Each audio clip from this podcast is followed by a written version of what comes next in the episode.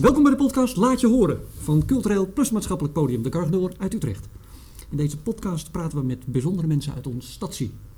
Wat beweegt hen, hoe dragen ze bij in Utrecht en welke boodschap hebben ze voor jou? Mijn naam is Maarten En ik ben Gratia. en vandaag is onze gast Hugo Verkleij. Goeiedag. Hoi. Hallo Hugo. Eh, onder andere kantoorhouder bij De Kargenoor, maar hartstikke leuk, dan kennen we elkaar, maar daar gaan we het niet over hebben. Want je bent journalist en schrijver, onder andere van de boeken 50 jaar FC Utrecht, wat ik persoonlijk dan weer heel leuk vind. Maar ook Straatgeheimen en Het Roer Om. Ehm, is dan de samenvatting iets van dat je verhalen vertelt van bijzondere mensen? Ja, dat denk ik wel. Oké, ja, nou dat dan, eh, dan hebben we dat, eh, dan hebben we dat duidelijk. Ja, bedankt, tot de volgende keer. Tot de volgende keer. nee, dat probeer ik inderdaad te doen. Dat is wel wat, wat ik graag wil. Dus ik, ik wil graag verhalen vertellen van mensen die andere levens leiden dan ik. En daar wil ik graag een langere tijd induiken. En die verhalen vertellen om ook eh, eh, bruggen te bouwen eigenlijk tussen mensen. Je hebt bepaald natuurlijk vooroordelen over mensen die Ja, eh, daklozen of vluchtelingen of bekende voetballers. Ja. Maar er zit natuurlijk een heel verhaal achter mensen. Dat wil ik Mm. graag vertellen om elkaar, denk ik, ehm, meer van elkaar op de hoogte te brengen. Nou, dus boeken schrijven, dat is zo'n beetje, mm, persoonlijk vind ik dat de hoogste kunstvorm. Eh, maar hoe, hoe, hoe, hoe komt het zo? Hoe komt het zo? Ja, ik had nooit echt die droom om, om schrijver te worden. Ik wilde eigenlijk altijd boer worden vroeger.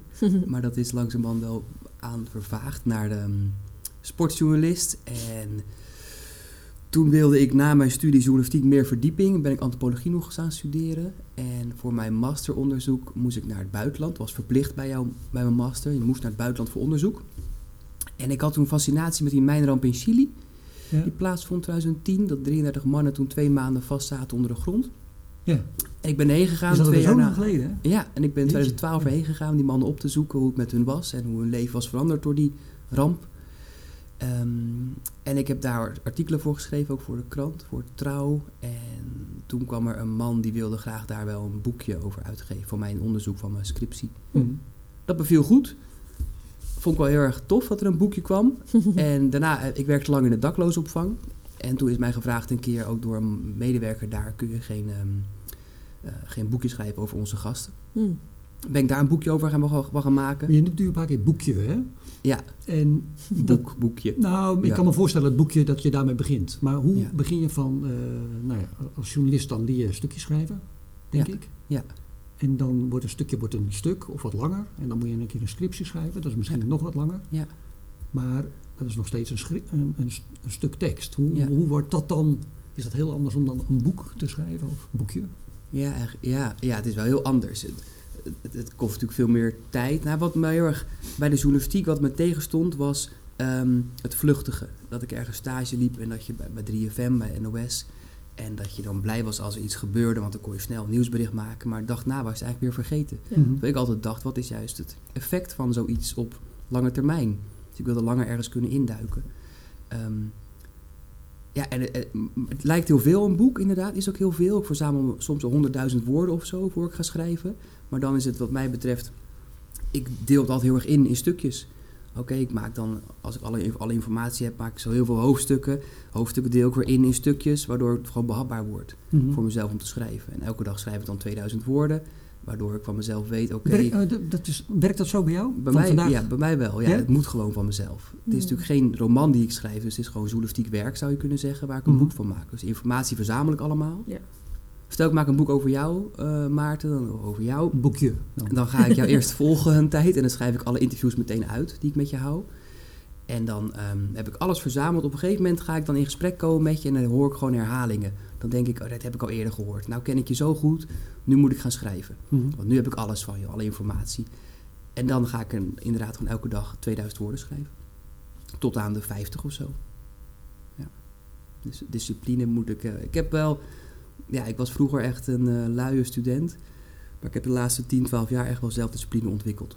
Dat had ik eigenlijk niet. Dat heb ik Hmm. wel ontwikkeld. En nu... eh, ja, dat, dat is mijn grootste winst ook de afgelopen jaren, denk ik. Dat ik gedisciplineerd ben geworden. En besef dat ik ehm, blij ben met deze kansen die ik heb in het leven. Die wil ik graag benutten. Dus vandaar dat ik hard, hard werk ook, vind ik. Op mijn manier.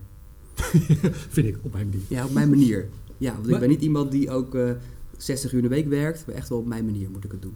Ja, Ja, dus, dat, dat- ja, dat is helemaal prima. Ja.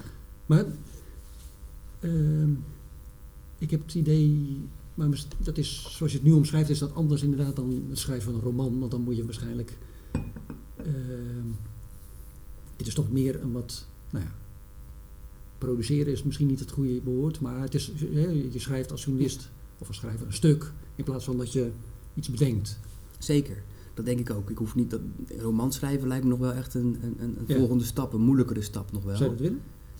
Ja, maar ik weet helemaal niet waarover dan. Dat, dat zou, nou, ik, heb wel, ik zou het wel willen. Ik zou wel een keer een boek willen maken over mensen uit mijn dakloze boek. Eh, ik heb daar mannen, eh, bijvoorbeeld een duo, Albert en Wijnand.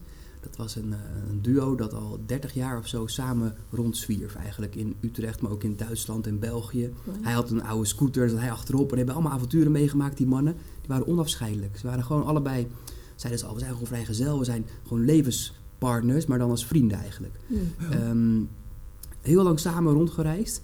Ehm, en dat, ja, ja, ik, soms denk ik wel, kan ik niet over hun leven, mijn fantasie op lof laten gaan, daar een boek over schrijven, een roman over schrijven. Dat lijkt me wel iets, eh mooie uitdaging. Zo'n soort boek zou ik wel willen maken. Een avonturenboek over twee vrienden die van alles meemaken. En waarom dan een dakloze? Want dat triggert je dan ex, dat extra of zo? Of? Ja, ik heb heel lang in die wereld gewerkt en ik voelde me altijd wel ook fijn bij daklozen op een of andere manier. Dat ze gewoon ehm, je zien als mens en niet als, als, als eh, ze kijken niet naar je, naar je geld of naar je status of je opleiding of je dure auto, of, maar gewoon hoe je het doet. Hm. Als je hen al eh, goedemorgen eh, zei of iemand zijn verjaardag herinnerde, eh, waren ze al heel blij met je. Dus ze keken echt als mens naar je. En als je iets fout deed, hoorde je het ook. Als je iets goed deed, hoorde je het ook. Ja, ik vond het gewoon hele eerlijke, oprechte, mooie mensen. Die vaak ook wel heel veel pech hebben gehad in het leven. En ik besef, ik besef heel goed dat ik heel veel geluk heb gehad altijd. Ik heb al die boeken ook kunnen maken. Dat ik gewoon een gelukkige, fijne jeugd heb gehad. Waarin ik geen tegenslag heb gekend. En ehm, ja, al die kansen heb gekregen Hm. dat drijft me ook wel een beetje om iets, uit, iets van te maken van het leven. Dat ik die, dat geluk heb gehad.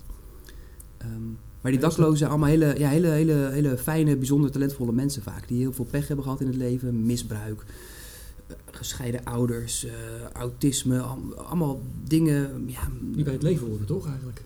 Die je nu noemt. ja, maar die ik allemaal niet heb meegemaakt gelukkig. Nee, maar heel veel mensen wel en die ook. eh, Ja. Dus dan zit er misschien wat anders toch. Waardoor ze dakloos raken. Ja, Ja, ik denk een opeenstapeling van, van dingen vaak, waardoor ze uiteindelijk het, het leven een beetje verliezen of zo een tijdje. Ja. En het zijn niet, de daklozen zijn niet alleen in dat, dat eh, de, nou, degene die dronken staat te schreeuwen. Hè? Er zit ook een heel verhaal achter. Hè. Je, je ziet ze ook vaak in de binnenstad lopen en dan weet ik gewoon, ik kan wel ze- denken, eh, eh, wat een, een domme gast die loopt hier te, te, te Mm. drinken en te schreeuwen, maar er zit natuurlijk een heel verhaal achter iemand. En Ja, dat probeer ik ook in mijn werk, dat mensen ook inzien dat er verhaal achter mensen zit. Iemand is niet opeens een dakloze alcoholist geworden, er zit natuurlijk een heel verhaal achter. En probeer dat te begrijpen van elkaar. Maar ook met een bekende voetballer, Royston Drenthe, over wie ik een boek heb geschreven, hebben mensen ook vooroordelen van en bepaalde ideeën en meningen. Nou, ik, vind, ik heb die zelf, zelf misschien ook wel van tevoren, maar daarom wil ik juist ergens induiken en dan... en kun je daar helemaal blanco induiken dan? Want als jij Royce Mm. Drenthe zei, een bekende voetballer die gigantisch eh, geta- getalenteerd was. Ja, Maar als je hem al zag en hoorde praten, denk, dacht je, dacht ik, dat gaat helemaal niks worden. En dat voor zijn twintigste was bij wijze van spreken al afgelopen zijn carrière. ja. En eh, En dat, dat dacht ik ook. En dat is ook zo natuurlijk. Het was ook, was ook afgelopen zijn carrière. Maar ik was wel benieuwd altijd naar het waarom. Dat, dat wist ik ook niet. Dat ja, kon je lezen uit de krant. Maar ja, dat, is- ja, Ja. Is, is dat nou precies het echte verhaal? Mhm.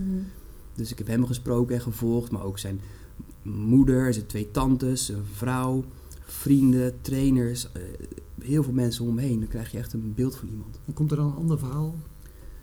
Ja, nou ja, eh, ja ook, dat zijn vader was vermoord op zijn derde op straat. Dat wisten ook niet veel mensen wat, daar, wat de impact daarvan was op zijn leven. Ehm, Ja. en, en wat het met je doet als je twintig bent, van een, van een huisje drie hoog naar een villa van 2 miljoen eh, verhuisd. Of 6 miljoen zelfs. En het, ehm 5 miljoen, Nou, miljoenen. Eh, dat, dat doet zoveel met je. minder, Hij verdiende opeens 2 miljoen per jaar. Van een flatje van drie hoog naar 2 miljoen per jaar.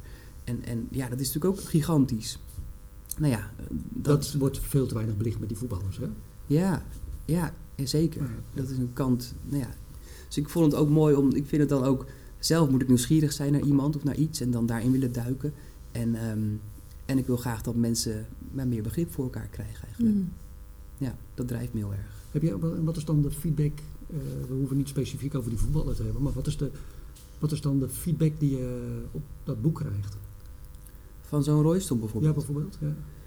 Nou, ik was wel heel trots. Het was genomineerd voor de Nico Scheepmakerbeker. Dat is een, eigenlijk de grote sportboekenprijs. En ik was daar samen met eh, Bert Wagendorp was genomineerd. Michel van Egmond en een paar andere Dat schrijvers. zijn de echte... De, En ik, Hugo Verkleij uit de polder. ja, ja. En ehm, toen was de feedback ook wel een juryrapport van dat ik van een gevallen voetballer weer een, eh, een, een mens maakte of zo. Dat ze echt heel erg konden, dat, dat ze heel erg de andere kant van iemand konden zien. En zonder een oordeel te hebben over iemand. Dan dacht ik, hé, die hebben het echt goed begrepen. Want ik heb nooit eigenlijk een oordeel over iemand. Dat is, je kan best een oordeel over iemand hebben, maar dat vind ik ook zo makkelijk. Laat maar, maar het gewoon verhaal vertellen en dan mogen mensen zelf wel bedenken wat ze ervan denken. Heb je dat geleerd op school, in je studie? Om, Nee, die, om dat eerder- oordeel, wat dat, vind, dat is wel interessant. Want je, ik heb over alles en iedereen direct een oordeel. En ik denk, ik denk dat iedereen dat heeft. Want Ja. hoe je dat even... Zeker, maar ik probeer het altijd over, overheen te stappen. Ook op school. Ik geef ook les op een school. En Ja. daar heb ik het ook wel geleerd de afgelopen jaren. Om ook dat niet te hebben over studenten of zo. Ja. Nee, je kan wel denken, oh, die doet niks in de klas. Maar nee, nee nu gewoon mag je niet denken. Er zit vast een heel verhaal achter iemand. Ik denk dat ik ook van huis uit mee heb gekregen. Van mijn ouders wel, zo te denken. Ja. Ik denk dat die er wel belangrijk in zijn geweest altijd om... Gewoon mensen... Mijn vader is directeur op een basisschool geweest heel lang. Mijn moeder was altijd geestelijk verzorger. Mhm. En ehm, ik denk dat wij net ook wel mee hebben gekregen om met mensen met, ja, niet, niet met een oordeel te hebben of met respect te behandelen in ieder geval. Even naar dat eh, Het Roer om. Ja. Daar heb je een boek over geschreven. En ehm, volgens mij zijn het eh, tien verhalen van eh, bekende of onbekende Nederlanders. Die nou ja, van, eh, van, van, bo- nou, van, van leraar naar boswachter zijn. En wat dat, hoe, kwam je, hoe kwam je erbij om dat te, gaan schrijven? eigenlijk werd ik gevraagd ervoor, maar het zat wel al langer in mijn hoofd, dat ook onderwerp ook wel. Van, ehm, moet ik het zelf niet een keertje doen? Of waarom doen mensen dat wel? Wie zijn die mensen die het eigenlijk doen? Ehm, en eigenlijk zijn het gewoon hele normale mensen. Dat heb ik wel geleerd uit het boekje. Uit het boek. Ehm, het ligt zei een boekje of boek ligt dat aan het aantal pagina's? Of wat? Nou ja, ik, ik zie meer, inderdaad, het zijn tien, tien verhalen. Dus het is, het is een, een boek, vind ik meer, als ik voor mijn gevoel één iemand of een onderwerp heb uitgediept. En met een Mm. spanningsboog, een avontuur een beetje. Ja. Ehm, Ja. En dit zijn gewoon tien portretten van mensen. Het is wel mooi, het is een mooi boekje. Het is ook een klein boekje trouwens wel. Het is ook meer een boekje dan Utrecht. Dat is echt wel een, een boek. Een koffietafelboek Ja. is dat echt. Ja, Dat is is echt een fantastisch eh, slag, eh, naslagwerk. Nou, en toen ben ik zelf eigenlijk in mijn netwerk veel gaan kijken ook. Voor het boek Het Roer Om, wie ik zou kunnen spreken. Ik ken een jongen die heeft een kroegje om de hoek, Café Domkop, maar die was voorheen journalist. Ehm, ik ken een jongen wiens broer was docent, is nu vrachtwagenchauffeur geworden. In de nacht, vindt hij geweldig, om in de nacht het Albert Heijnens overal te bevoorraden. nou, dat, is, eh, dat kan. Ehm, en, en een paar oproepjes geplaatst. Staatsbosbeheer had ik een mail gestuurd. Er kwam een mevrouw uit die docent was en boswachter is geworden. Of een man via een, een meubelmaker schilder. Die was ehm, business analyst. En die is nu meubelmaker geworden. Een jonge gast van begin 30. Zo kwamen die verhalen op mijn pad eigenlijk. En dan komt, dan komt het vanzelf wel. Ja, ja dat was superleuk om die, bepaalde, die mensen te spreken. Ook omdat het gewoon allemaal... Ik heb best wel heftige verhalen gemaakt over daklozen en, en met tegenslag. En dit waren gewoon allemaal stoere, toffe mensen met mooie verhalen. En eh, is het. ge- Eigenlijk heb je zelf ook. Heb je, zie je dat je een lichte carrière switch hebt gedaan van journalistiek naar culturele antropologie? Heb je, eh, Mm, ik denk eerder dat ik een switch heb gemaakt. ehm, nee, ik denk dat antropologie en journalistiek elkaar hebben versteund, hebben versterkt heel erg. is weer een verdieping. Ja, ik heb daar heel erg geleerd onderzoeksmethoden als hanging around. En eh, dat is echt dus een bekende antropologische onderzoekmethode om ergens in een samenleving juist eh, rond te hangen Mhm. eh, en participeren in observatie. Ja. Dat heb ik bijvoorbeeld met mijn boeken doe ik het ook heel erg. Juist met Royston Drenthe rond te hangen. Om hem te leren kennen op die manier. dat doet hij toch, ja, dat doet hij Dat toch doet, ook? hij doet ook niet Hangen, anders. Nee. Want ik kan je wel interviewen, Ja. maar dan krijg je toch een ander beeld van als ik een van jullie zou volgen de hele dag. Ja. Ja. Ehm, ik heb eerder een switch gemaakt. Na mijn studie ben ik eh, bij vluchtelingenwerk gaan werken een aantal jaar. Op een kantoor in Emmeloord zat ik. waar ik eh, vrijwilligers aanstuurde en een vast contract had en een goede baan had, drie twee, drie dagen in de week ongeveer. En daarnaast was ik wel eh, sportjournalist, maar ik, ik, ik, ik was daar niet gelukkig. Eigenlijk al na een, na een jaar denk ik niet. Dat ik dan eigenlijk al dacht van, dit is niet waar ik, ehm, ik moet het niet doen. Ik wil eigenlijk schrijven, had ik toen wel in mijn hoofd. Meer schrijven. Maar ja, ik heb daar nog, nog twee jaar gezeten en toen mijn baan opgezegd. Ehm, terwijl ik geen andere plannen had eigenlijk. Maar ik voelde wel dat ik daar niet meer moest zijn. Dan is het interessant waarom je er nog twee jaar bleef zitten en wat de trigger was om het wel te doen dan. Ja, denk dat ook een beetje dat ik dacht, nou het hoort er een beetje bij. Hoe oud was je toen? Ehm, het was van 2013 tot 2016, dus het was, was ik net 28 tot aan eh 31. Ja, eerst mijn eerste serieuze baan na mijn studie eigenlijk. Ik heb toen nog mijn eerste na mijn studie een jaar alleen maar als journalist gewerkt. Maar ik wilde wel graag wat zekerheid erbij en Mhm. ik dacht wat, wat, wat leuks, wat uit- uitdaging. Ja, ik ben er blijven zitten denk ik ook omdat ik dacht inderdaad het hoort gewoon ook niet altijd leuk te zijn misschien werk. En ik deed wel iets, wel iets zinvols. Ik hielp vluchtelingen, hartstikke zinvol werk natuurlijk. Maar ik zat de hele dag achter mijn computer een beetje. En de vrijwilligers, stagiaires moesten al, deden al het werk na een tijdje. Ik moest hen aansturen. Maar alles liep wel goed. Ik zat daar gewoon achter in mijn Mhm. kantoor vaak een beetje andere vacatures te zoeken. en, en, en te denken, ik wil het helemaal niet. Ik wil gewoon schrijven. Maar ik wist niet waarover of wat. Maar toen heb ik gewoon na... Eerst ben ik in Peru geweest met mijn vriendin. ehm, eh, vier maanden. Ik kreeg onbetaald verlof. Zij ging daarheen voor onderzoek. Ik kom mee. Met het idee, als ik terugkom, ga ik misschien wel een andere functie krijgen binnen de organisatie. Maar die was er niet echt. Het was of ik moest nog een functie hoger krijgen. Maar dan moest je nog meer achter op je computer zitten. Nog meer dingen aansturen. Waarvan ik dacht, dat wil ik helemaal niet. Ik wil Mhm. juist met mensen werken. Dus heb ik maar gezegd, ik stop gewoon. En toen had ik niet echt een plan. Maar toen vrij snel kwam ehm eh, Voetbal International, heb ik toen nog een tijdje gewerkt. Hij hadden me gebeld. En toen kwam Royston Drenthe op mijn pad. Dus eigenlijk is daarna heb ik wel geleerd om maar af en toe dingen af te sluiten. Waardoor er wel iets moois, nieuws Hmm. komt. En ja, en dat doe ik wel vaker nu. Dat is wel spannend hè? Dat is het allerengste dat er is eigenlijk wel. Ja. Want je geeft dan hoop op. En ik heb ook veel vrienden die dan ook... Ja, maar je hebt toch zekerheid, je moet toch... Maar ja, de enige zekerheid die je hebt is dat je een keertje doodgaat. Dat denk ik wel vaak. Laatst, laatste jaren steeds vaker. Dus moet ik maar... En niet, niet, niet rigoureus alles natuurlijk achter me weg... Alle, alle schepen verbranden. Maar wel die stap durven te zetten soms. Dat is denk ik wel super belangrijk om gewoon te doen. Hoe oud ben je nu? 36. Maar dat is toch helemaal niet zo lang geleden? Nee, eh 2016, dus eh, vijf en een half jaar geleden of zo. Ik had toen al wel een paar boeken geschreven. Ja. Dat, dat Chileense boekje, dat, dat ah, boekje over daklozen. En ik was met eh, ja, nog eentje bezig over een dakloze mevrouw. Maar de andere acht boeken heb ik allemaal die jaren daarna geschreven. Die vijf jaar daarna eigenlijk. En zie je jezelf... eh, zou je dat nog een keer kunnen doen, zoiets? Eh, de, Ja, ik denk het wel. Nou, van, nou, weet je, dit is het niet, dus ik moet een andere koers op. Want Nee. eigenlijk is schrijven je hoofd. Dat, dat, blijft wel. dat blijft wel, denk ik ook. Hoewel ik soms ook wel denk... Misschien word ik toch nog wel boer of zo. Ja. Ik voelde hem aankomen. Ja. Wat, zo, wat, wat Met koeien in Zwitserland. In vroeger wilde ik altijd zo'n Zwitserse boer worden. Met van die Milka... Van die bruine koeien met horens, met een grote bel. Ik begin ook op vakantie naar boerderijen in Zwitserland. Alle koeiennamen weet ik nog uit mijn hoofd. Ja, dat was echt geweldig. Die hadden allemaal naam, die koeien. Die hadden allemaal een bordje bij hun. Die hadden allemaal eigen plek in de stal, waar dan een bordje boven hing met hun naam erop. Dus Fanny, Heidi, Huldi, Sjaf. Een heel rijtje koeien stond daar dan. Die ging melken met die boer en zo. Dat vond ik wel heel mooi. Is dat niet een beetje een te romantische idee? Ja, want ik weet wel, ik, ik ben geen ochtendmens. Ik heb geen zin om twee keer elke dag om zes uur te gaan koeien melken of zo. Dat lijkt me ook weer niks. Maar ik zou het liefst gewoon een stukje... We gaan misschien verhuizen. Wij wonen nu met mijn vriendin, of verloofde eigenlijk, woon ik hier eh, naast de Cargador in een werfkelder. En we hopen dit jaar nog te verhuizen naar Tul en het Waal. Dat is iets buiten de stad.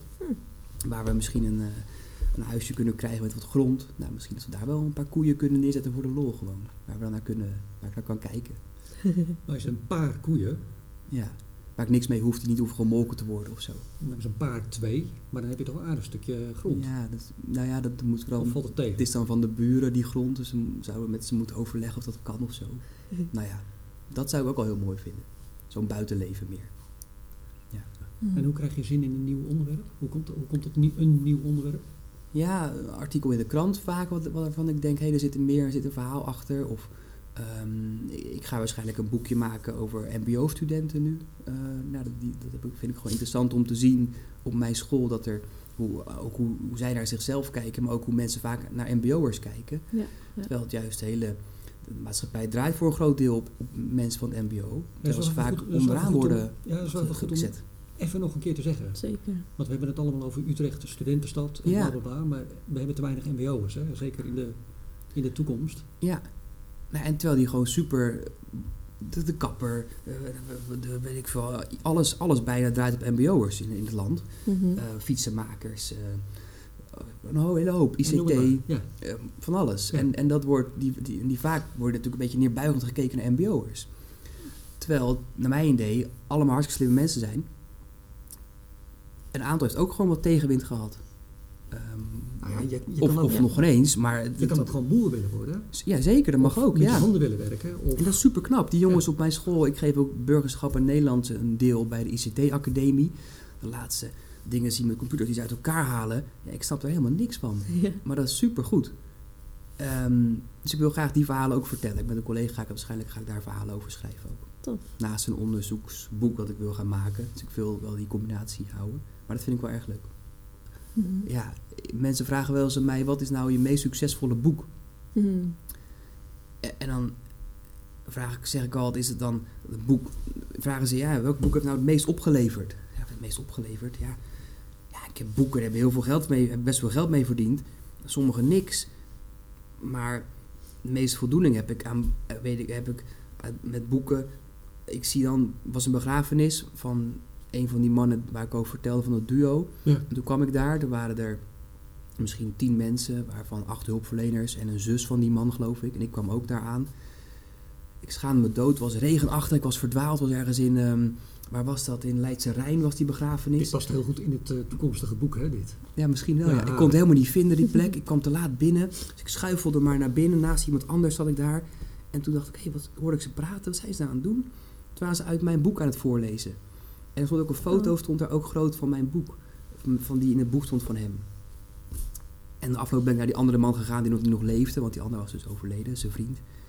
En ik zei, hé, meneer, eh, meneer Albert, eh, kent u me nog? En dan keek hij een beetje naar me. En zei, ach ja, van het boek. En dan was hij helemaal zo blij dat ik er was.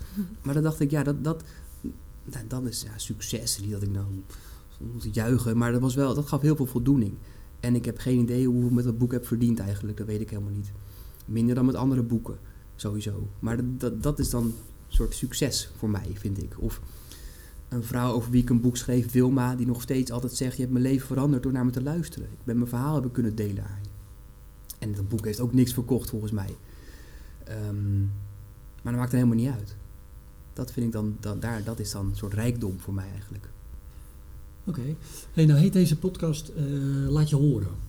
Eh, nou, laat jij je horen wel via eh, datgene wat je schrijft.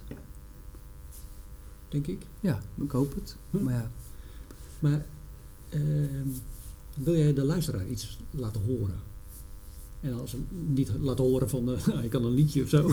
dat mag ook wel, maar zo bedoel ik het niet. Maar eh, misschien in het kader van eh, wat jij zelf hebt eh, meegemaakt. Of dat boek Het Roer Om. Wat is laten horen? Nou ja, ik, ik denk vooral dat je, dat je echt ehm, ehm, eh, moet beseffen dat je... Dat klinkt zo lullig, maar je, je, kunt, je kunt morgen dood zijn. Dus probeer er wel iets van te maken. Tijd, tijd, Lekker een mooie boodschap, hè?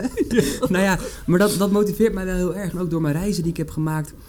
Dat ik, ik, heb zo, ik heb alleen maar geluk gehad in het leven nog eigenlijk. Dat ik in Nederland ben geboren, maar ook nog vooral in het gezin waar ik ben opgegroeid. En alle kansen die ik heb gehad. Dus ik wilde echt iets van maken. Je Maar bent ik- ook wel zelf gepakt natuurlijk. Hè? Dat moet je mijn moeder ook altijd. Mijn moeder zegt, "Ja, Hugo, dat zeg je altijd wel, maar Ja. het is niet zo. Je moet ook... Maar natuurlijk, maar ik heb die kansen wel kunnen pakken ook door de omstandigheden waarin ik ben opgegroeid.